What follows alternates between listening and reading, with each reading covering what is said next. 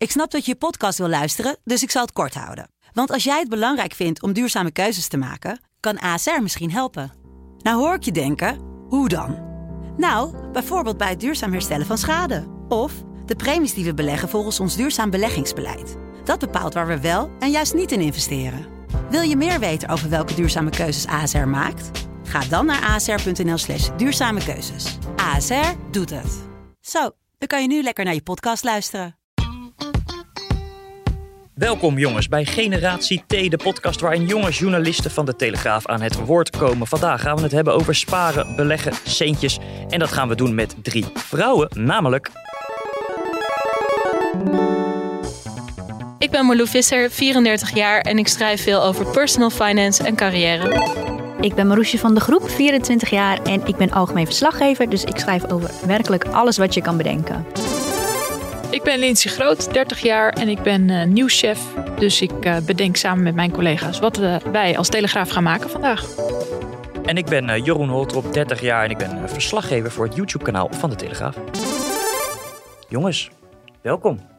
Hi, Leuk dat jullie er zijn. Even een, uh, een snel rondje. Uh, wat heeft iedereen in aandelen, crypto en uh, beleggingen? Nou, dat is grappig. want ik dacht vorig jaar van ja, nu is de rente op mijn spaargeld echt niks. Ik kreeg toevallig vorige week ook een berichtje van de Rabobank van het is 0,0%. Dus toen dacht ik van nou, dan moet ik eens iets gaan doen. En sinds januari ben ik elke dag aan het kijken op de website van Van Eck van hoe duur zijn de ETF's en kan ik ze al kopen. En okay. ik begon toen het op 45 euro stond, toen dacht ik als het onder de 40, want de markt gaat wel instorten, dan koop ik.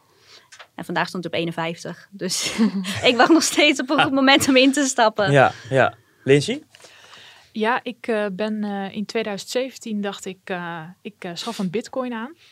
dat heb ik toen gedaan voor 67 euro. Uh, ik snapte er helemaal geen jota van. Dus ik heb uitleg gevraagd bij iemand. En uh, nou, dat is toen, uh, heeft een tijdje op zich laten wachten. Lang verhaal kort, ik ben het wachtwoord kwijt. Dus dat is vermoedelijk nu. Ik kan wel in de blockchain zien wat het waard is. Dus het is een soort van etalage waar ik kan zien wat ik allemaal heb, maar ik kan het er niet uitpakken.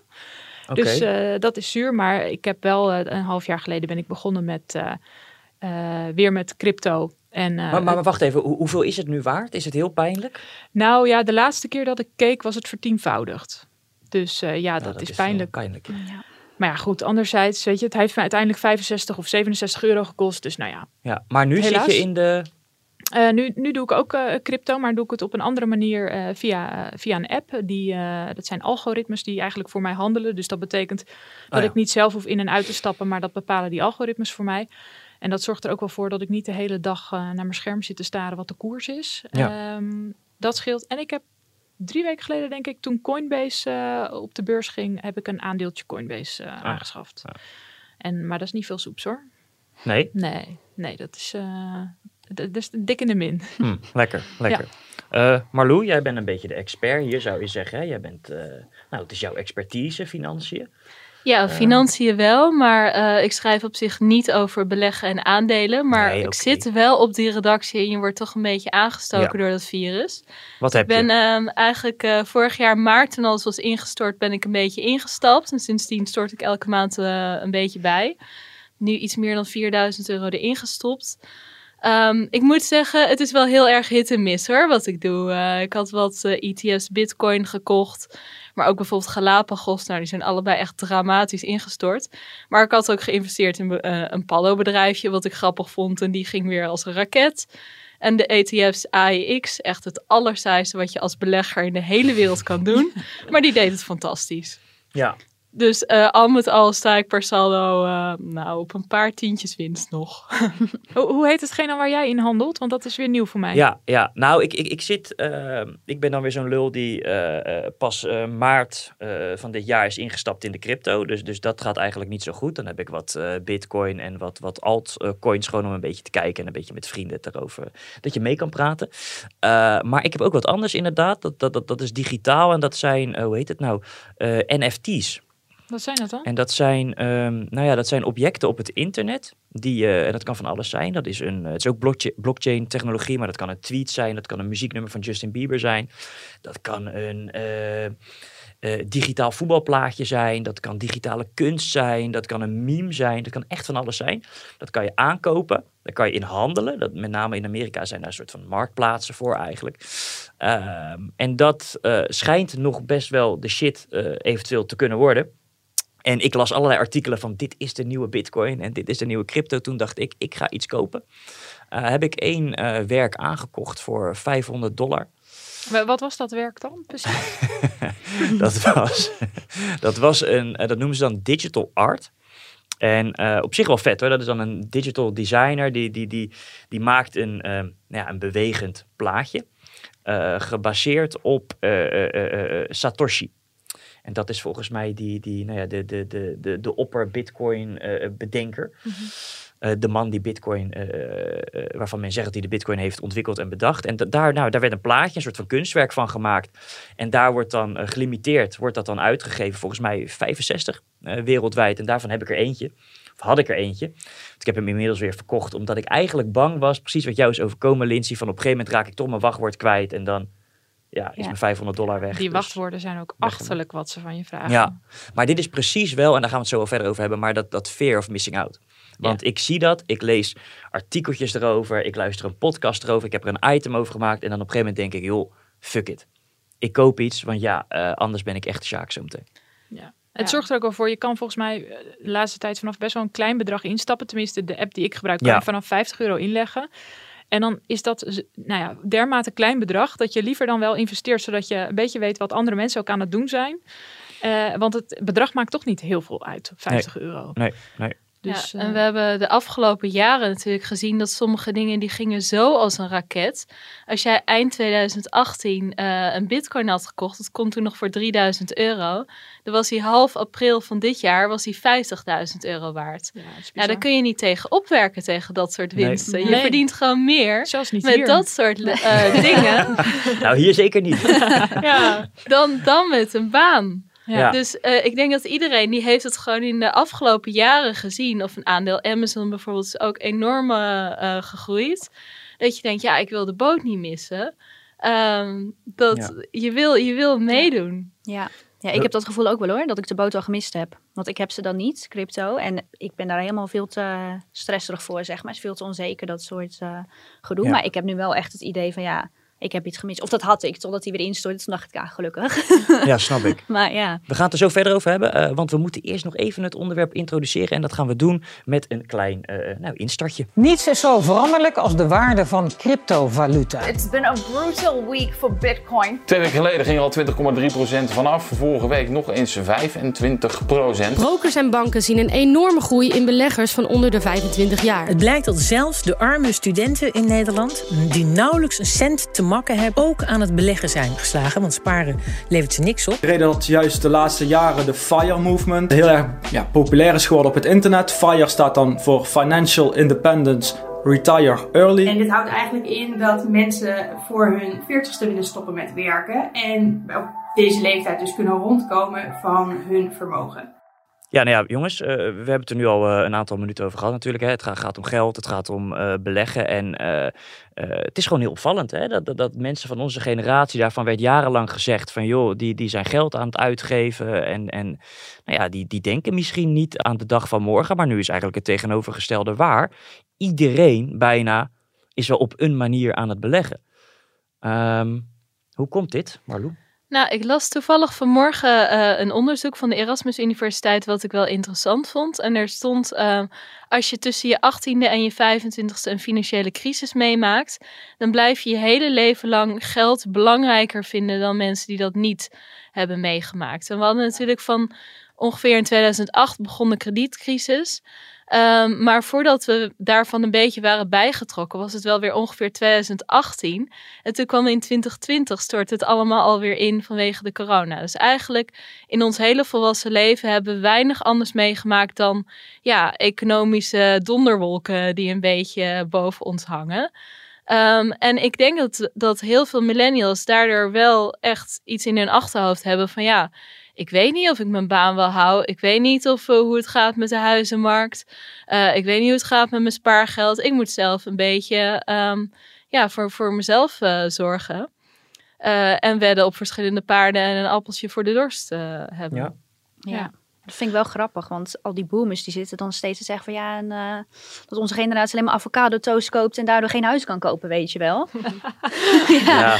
Nou, maar dat is niet de reden, kan ik je vertellen. Volgens mij zit er, waar, waar hun verhaal denk ik ook al een beetje vandaan komt. Dus ik las vanochtend uh, ook een uh, verhaal erover. En los van het feit dat wij misschien meer moeten anticiperen op onze toekomst. Ik heb vanochtend even mijn pensioenleeftijd berekend. Zit tegen de 70. Ja. ja. Um, dus ja, het is logisch dat je misschien iets eerder wil stoppen met werken. En dat moet je dan zelf gaan fixen.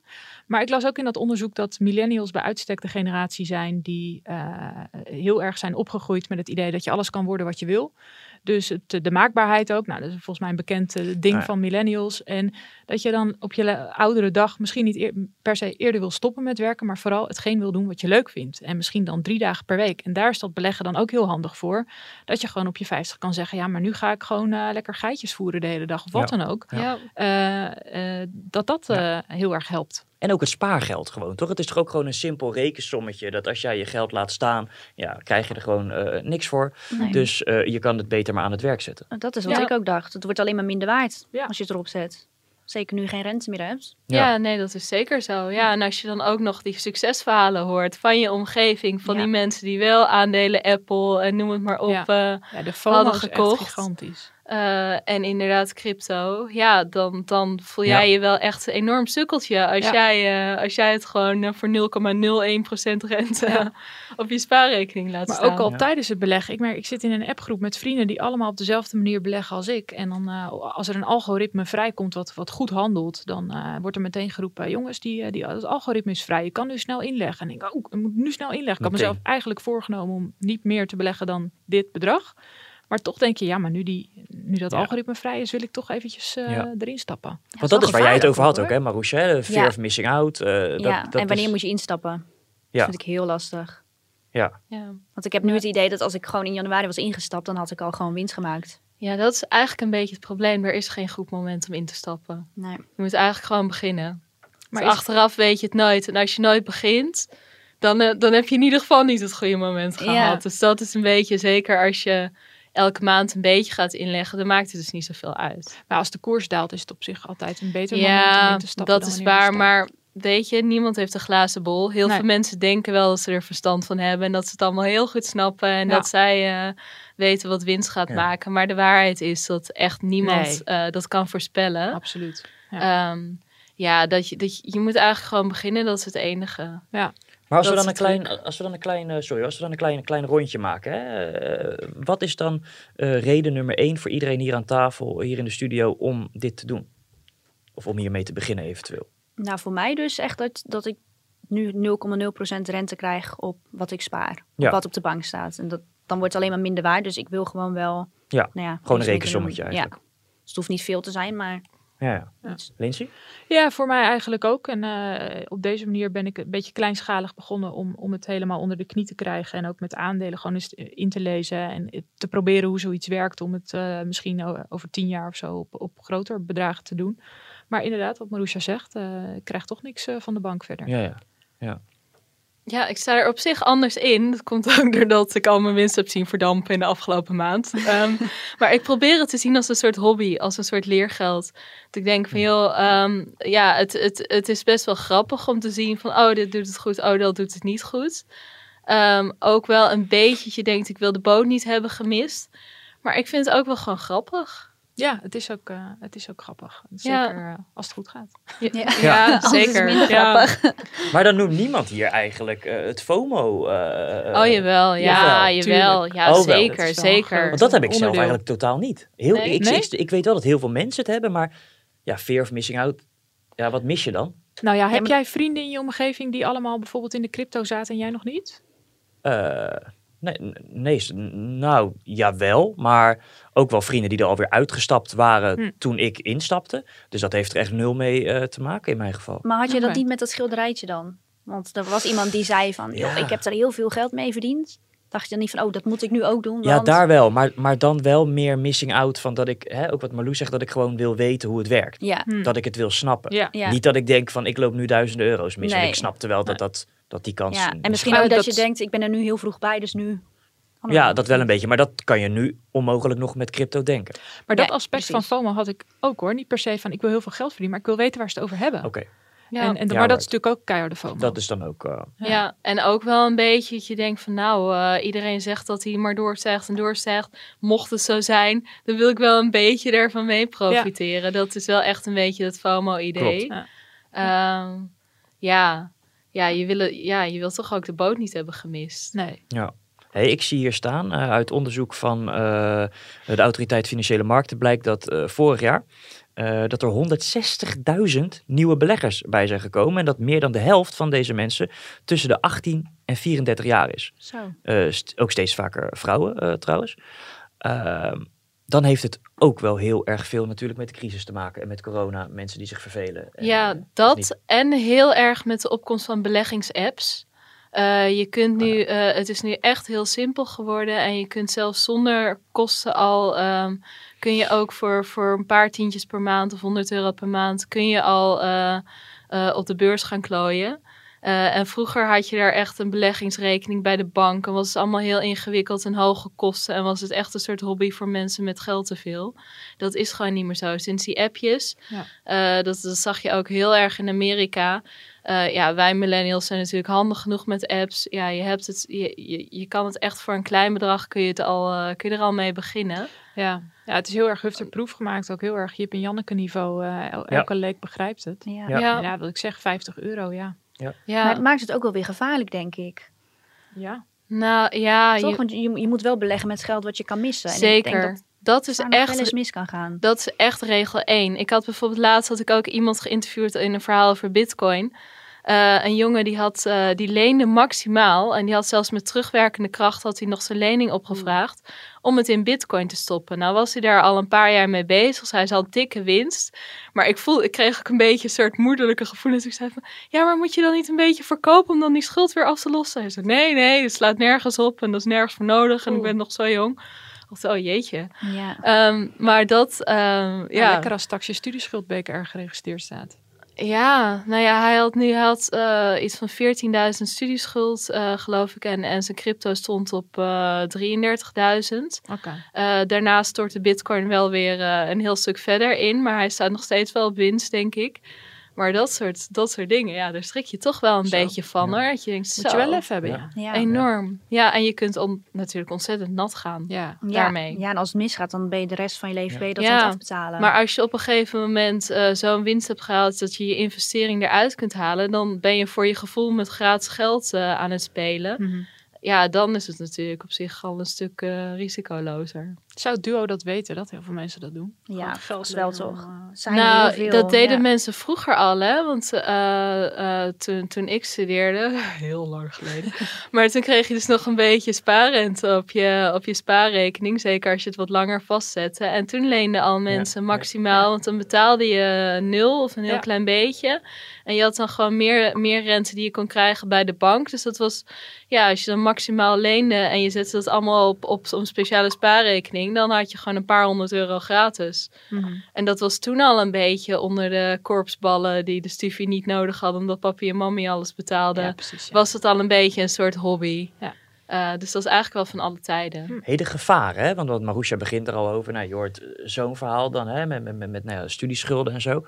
Ehm, het heeft ook wel een beetje te maken met al die influencers die nu allerlei, met name cryptomunten aan het promoten zijn. En, en ja, wat, Ja. wat vinden we daar eigenlijk van? Je ziet het overal. Ja. Crypto, overal. Ja. Wat jij ook eh, vanmorgen zei langs de snelweg. Het is, het is eh, op social media, overal zie je gewoon... Ja. Ja. Ja. Nee, maar ook dat verhaal laatst van die rapper Boef bijvoorbeeld. Hè? Ik weet niet of jullie het hebben meegekregen. Die zit dan een bepaalde, volgens mij een vrij loesje eh, munt eh, te promoten. Ja. Eh, met het idee van ik ga daar veel winst op pakken natuurlijk. Want hij laat mensen instappen. Dan verkoopt hij gewoon zijn munten als men is ingestapt. Ja, is dan het Heel verhaal. veel van die Ja. nieuwe crypto's, dat is gewoon een soort piramidespel. Ja, Exact. absoluut. Maar dat is natuurlijk ook wat, wat je vaak ziet in die, in die crypto. Er is een soort he- hele bekende grafiek gemaakt. Het stijgt enorm. En echte grondleggers die stappen dan in en die zien het stijgen. Ja. En dan komt er een periode dat mensen heel onzeker worden gemaakt. Dus zie je die koers hier helemaal zo gaan. En op een gegeven moment, ja, dan komen er mensen uh, zoals jij en ik die denken, oh fuck, ik, ik moet ook meedoen. Want het is, uh, mensen verdienen heel veel geld aan. En dan op dat moment stort die beurs in. En dan profiteren de mensen die heel vroeg zijn ingestapt. Ja. ja. en op tijd uitgestapt. En op tijd En zeker influencers met, met een groot bereik. Ik bedoel, als jij... Uh, paar duizend van je volgers kunt overhalen om van een totaal onbeduidend ja. crypto-muntje. Ja, dan gaat hij echt wel even wat omhoog. Nou, dan stap jij er maar uit. Ja. En zij zitten ermee. Dat is echt het oude Westen piramidespel. Ja. Maar dat maar doet Elon Musk ook heel erg, ja, hè? Dus met die tweets. Met die tweets doet hij dat enorm. Volgens mij kan er nog over, over tien jaar bekend uh, worden gemaakt uh, of uitkomen dat het gewoon één groot uh, ja, spel ja, van hem was. en dat hij, hij de, lachende, de, de, lachende derde ja. is. Hè? Ja. Hij, hij tweet dat uh, bitcoin niet meer gebruikt kan worden om een Tesla te betalen. Hij ziet die koers instorten. Hij koopt bitcoin bij en hij roept weer wat uh, positiefs over bitcoin. En hij, hij lacht zich een ongeluk. Dat is bizar. Maar hoezo kan dit niet... Ja, maar hoe, hoe, hoe, hoezo kan hier niet tegen opgetreden worden dan? Nou ja, bitcoin is natuurlijk...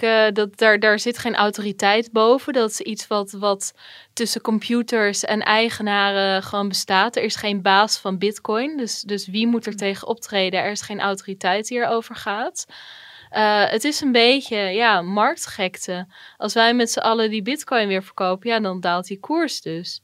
Dus het is eigenlijk de meest vrije markt die er bestaat. Dus Mhm. daarom kun je er niet tegen optreden, omdat er geen autoriteit is die, je- die er een streep door kan trekken. Maar komt dat niet ook in de toekomst? Precies. Nou ja, overheden zijn er natuurlijk wel, die, die, die kijken er met argwaan naar. Die willen dat heel graag eh, een beetje in regels Ja. inkaderen. Maar ja, wie dan? Welk land dan? Waar dan? Maar het idee van bitcoin is toch ook ontstaan juist omdat er geen autoriteit Exact. Ja, ja, ja. En dat, dat maakt het ook wel weer, dat is ook wel weer de charme ervan.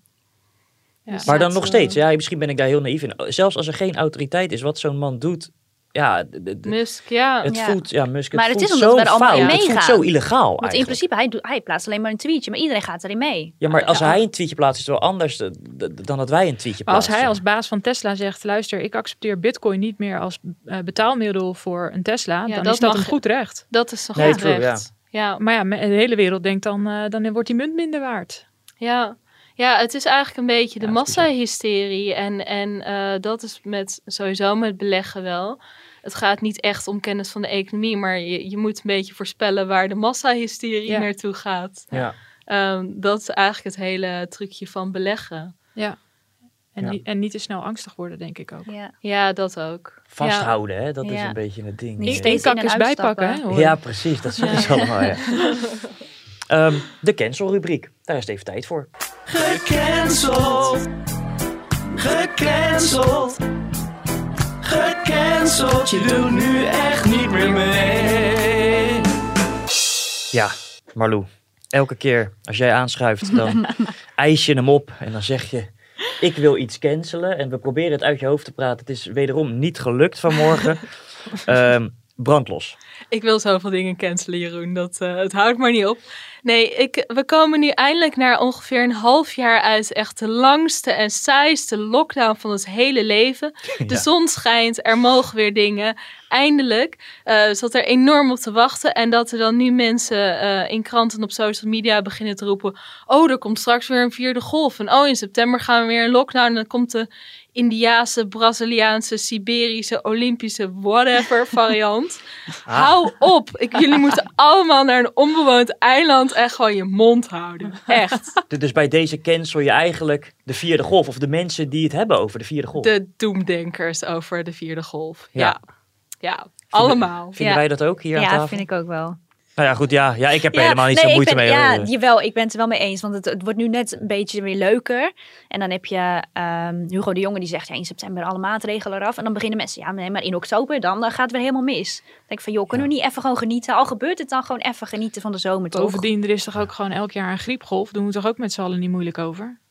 Ja. Nou ja, Ja. zolang maar genoeg Ja, ik mensen vergelijk corona niet met griep hoor. Maar er is wel een golfbeweging nou eenmaal in virussen. Ja. Dus ja, Ja. dat kun je toch verwachten. Ja, gewoon snel die prik zetten en dan eh, komt het volgens mij helemaal goed. Maar, maar denk je niet, dat denk ik namelijk, dat, dat we dit nog jaren zo gaan hebben, dat we het er steeds over gaan hebben? Ja, Hè, want, ik bedoel, bedoel, de virologen en zo, ja, met alle respect, die zijn nu ook zo BN'ertje geworden. En die zijn ook zo, eh, nou ja, ik wil niet zeggen aandachtsgeld, maar die, die, die staan behoorlijk op de radar bij de talkshows. Er zal de komende jaren nog wel vaker gepraat worden van, joh, jongens, pas op, we zien hier misschien een cluster Ja. of zo. Het is allemaal goed hoor. Ik ga aankomende zaterdag echt voor het eerst sinds, wat is het, oktober oktober weer eens naar de kroeg. Mag ik daar even van genieten zonder dat mensen weer beginnen over virusuitsteeksels en andere ellende. Naar welke kroeg ga je? Ehm, ik heb met eh, vrienden afgesproken dat we naar de regulier dwars eh, gaan. Oh jee. Oké. ja. Tot en- tien uur. Tot tien uur, maar je moet gewoon even een beetje blij zijn met Ja, wat je hebt. Vroeg pieken. Ja, Ja, alright. precies. Hey, ehm, de FIRE-beweging. Dat, dat is ook een element binnen het eh, sparen, beleggen. En dat is iets wat, wat vrij opkomend is, geloof ik. Ehm, wat, wat is dat precies, eh Marlou? Ja, ik heb er een paar keer over geschreven. Het, is, eh, het staat voor Financially Independent Retire Early. Dat zijn eigenlijk eh, mensen, eh, vaak redelijk jong, die zoiets hebben van ja, ik, ik wil zelf bepalen wanneer ik stop met werken. En die heel zuinig leven, heel veel sparen en beleggen, proberen voor passief inkomen te zorgen, bijvoorbeeld door een appartement te kopen voor de verhuur. Zodat ze op een gegeven moment ja, tussen hun 40ste en 50ste Ja. ja, zoveel geld hebben dat ze niet meer hoeven te werken. Ehm, en dat heeft, ja, dat, dat, dat is wel een soort groeiende trend. eh, ook in Nederland. We gaan even naar een fragmentje van iemand, eh, die heb ik toevallig gesproken eh, in, in, in de studio. En die legt even uit ja, wat haar beweegredenen zijn om dit te doen. Ik denk zelf vooral omdat eh, de pensioenleeftijden steeds later worden. En Ja. dat is natuurlijk eh, ja, niet aantrekkelijk. Ehm maar misschien ook dat onze generatie steeds meer heeft van eh, wat, wat kunnen we meer doen en wat kan er anders in plaats van ehm, ja, alleen de, de levensweg Ja. die onze vorige generaties hebben bewandeld. Klinkt dit logisch? Ja, op zich wel. Ja, als ik ook eh, kijk naar de generatie van mijn ouders en nog iets ouder. Ja, die, mijn vader moest eerst in dienst en daarna mocht hij zo lang studeren als hij wilde. Dus dan was je een beetje 27, 28 of zo als je aan een baan begon. En heel vaak konden zij er eh, rond de 60ste alweer uit. Dus die carrière die duurde goed 30 jaar. Maar wij moeten eh eh supersnel afstuderen, want anders heb je een hele hoge schuld. Begin 20 ben je al afgestudeerd. En je moet door tot begin 70, zoals het er nu uitziet. Dat is een carrière van 50 jaar. Ja. Nou, dat is nogal wat. Enorm verschil. Ja. Ja, hoewel, het, de, want jouw vader is dan tamelijk laat voor ons begonnen met, eh, met werken. Maar Ja. eh, ik weet van mijn moeder, die heeft de MAVO gedaan en is eh, daarna een kind gaan opvoeden. Dus eh, die is juist eh, heel erg vroeg op de arbeidsmarkt terechtgekomen. Heeft ze uiteindelijk nooit gebruik van gemaakt. Maar dat is wel iets wat, ehm, eh, waardoor, we zijn allemaal gaan studeren. Dat was in de generatie van mijn ouders was dat echt niet het geval. Was dat echt niet vanzelfsprekend dat iedereen maar ging studeren.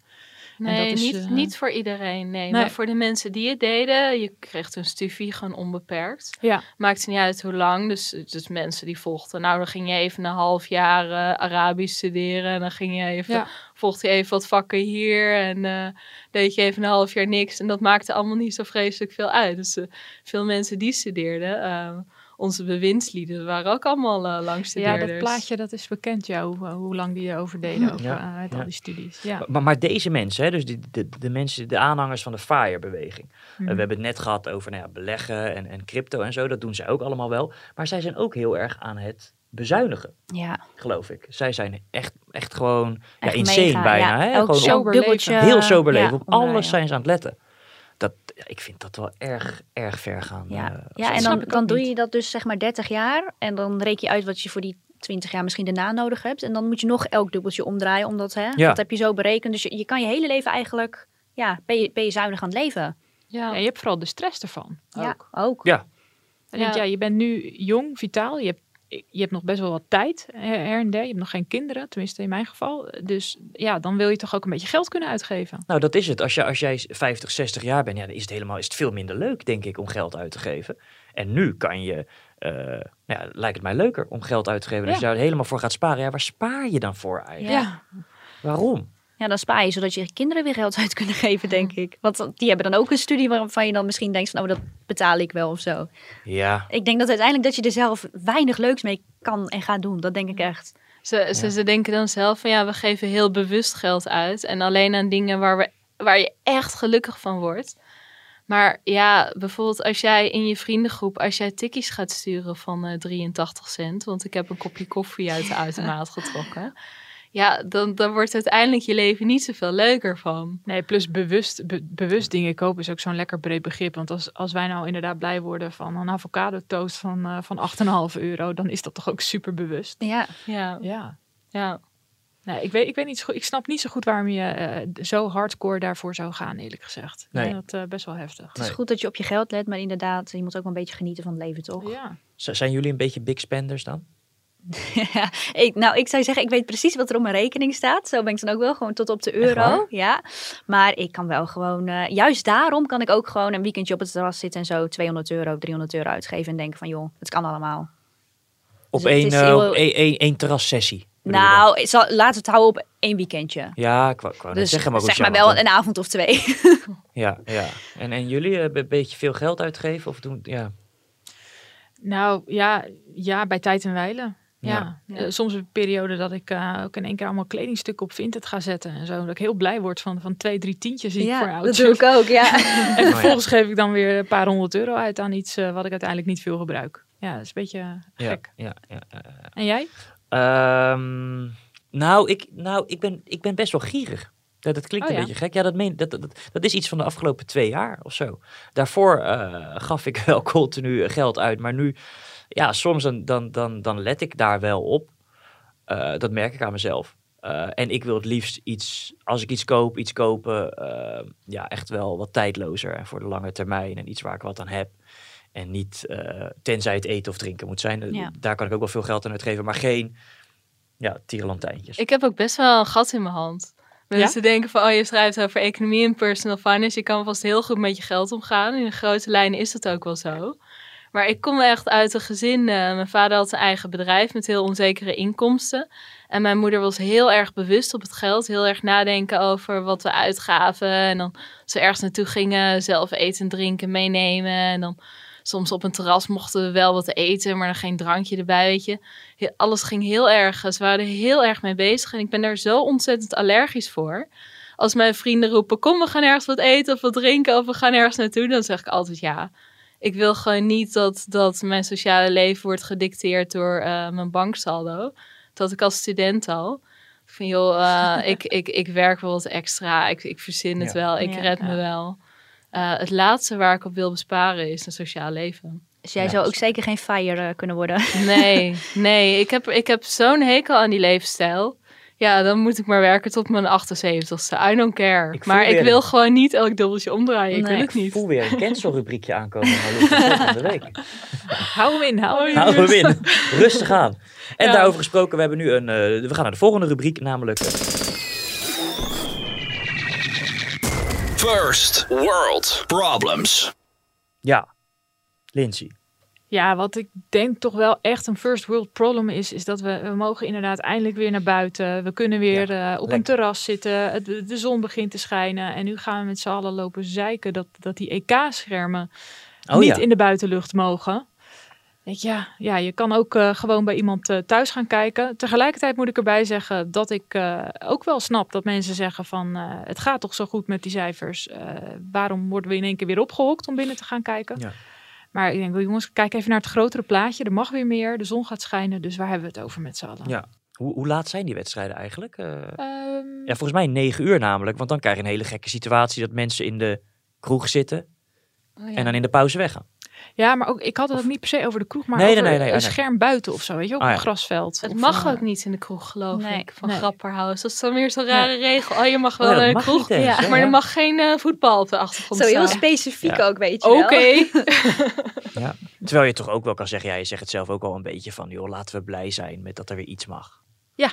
Toch? Ja. Zeker. Dat is ook lekker. Ga even die wedstrijd thuis kijken, maakt het uit, joh. Ja, ja. Um, we gaan weer even terug naar het hoofdonderwerp. We gaan hem eigenlijk afsluiten. Um, en dan, dan eigenlijk een vraag uh, richting jou, uh, Marlou, hè, als, uh, als duider hier aan tafel. Van, van, van, ik kan me voorstellen dat de luisteraar met die vraag zit en iedereen zit met die vraag, waar gaat dit heen? Hè, het financiële stelsel, crypto, gaan we met z'n allen blijven beleggen de komende jaren? Of denk je dat het ook al een beetje een hype is? Nou, het is natuurlijk wel een beetje een hype. En het doet me ergens ook wel een klein beetje denken aan uh, de bubbel uh, die uh, rond 2000 er was. Toen dacht iedereen van nou, dat internet, dat gaat nog eens heel groot worden. En dat ja. bleek een enorme zeepbel te zijn op de beurs. Daar hebben heel veel mensen ontzettend veel geld verloren. Dus ja, het kan met crypto natuurlijk diezelfde kant op gaan. Dat het toch een zeepbel blijkt te zijn en dat het instort. Maar dat is een beetje, ja eh, in Bitcoin zijn ontzettend veel believers. Die denken dat het, eh, dat het eh, alleen maar blijft groeien op de lange termijn met wat heuveltjes. En dat het echt here to stay is. En op zich denk ik ook wel van, het is, er zit zoveel geld in instanties. En dat verdwijnt niet zomaar. Er zit ook een hele techniek achter die, die vrij waardevol is. Ehm, dus ik denk niet dat het een luchtbal is. Maar ja, dat dachten die mensen dus in 2000 allemaal ook niet. Dus ehm, ja. ja, het blijft een glazen bol, Jeroen. Oké. En stel nou, nou Lindsay, jij, stel nou je, je, je, je kan op je 40ste of op je 45ste kan je met pensioen. Zou je daarvoor tekenen? Want dat is een beetje waar iedereen er nu voor doet. Maar zou je daarvoor tekenen? Nou, dan zou ik wel willen weten met welk verschil in maandelijkse inkomsten ik dan moet gaan leven. Maar in principe teken ik er wel voor, ja. Ja, toch wel? Ja, als je met je 45 met pensioen kan, uh, dat, dat lijkt me top. Want dan kan je gewoon zeggen van, nou, dan heb je een, een basis. Stel nou dat, dat, dat, dat je daardoor echt leuk kan leven. En je gaat met je 45 met pensioen. Ja. Dan kan je inderdaad als een uh, ware millennial betaamt zeggen, nou, dan ga ik gewoon twee, drie dagen in de week uh, wat doen wat ik, waar totaal geen druk op zit en wat ik leuk vind. Ja. Zoals nieuwschef bij de Telegraaf zijn. Oké, goed. En jij, Marusha? Ja, ik weet het Zou niet. je dat doen? Uh, ik, ik, heb er twijfels over. Ja, ik vind mijn baan echt heel erg leuk, dus ik weet het niet. Ik heb wel af en toe dat ik zo een paar keer in het jaar een staatslot koop. Dat ik denk van, ja, misschien win ik wel 30 miljoen. Maar dan ga ik nadenken van, ja, wat zou ik dan doen als ik dat win? En dan denk ik ook van, ja, dat, misschien dat ik dan gewoon freelancer zou zijn, journalist. Maar ik zou wel gewoon eigenlijk lang willen blijven werken. Ja. Misschien voor een paar dagen in plaats van de hele week, maar... Ja, nou, dat is wel een goede freelancer. Dat is eigenlijk wel Ja. ja. We gaan hem afsluiten, jongens. Veel succes. Iedereen hier met de beleggingen, aandelen, cryptomunten. Ik ga er gauw uh, instappen. Ja, precies. Jullie thuis uh, bedankt voor het luisteren en uh, tot de volgende keer. Hoi.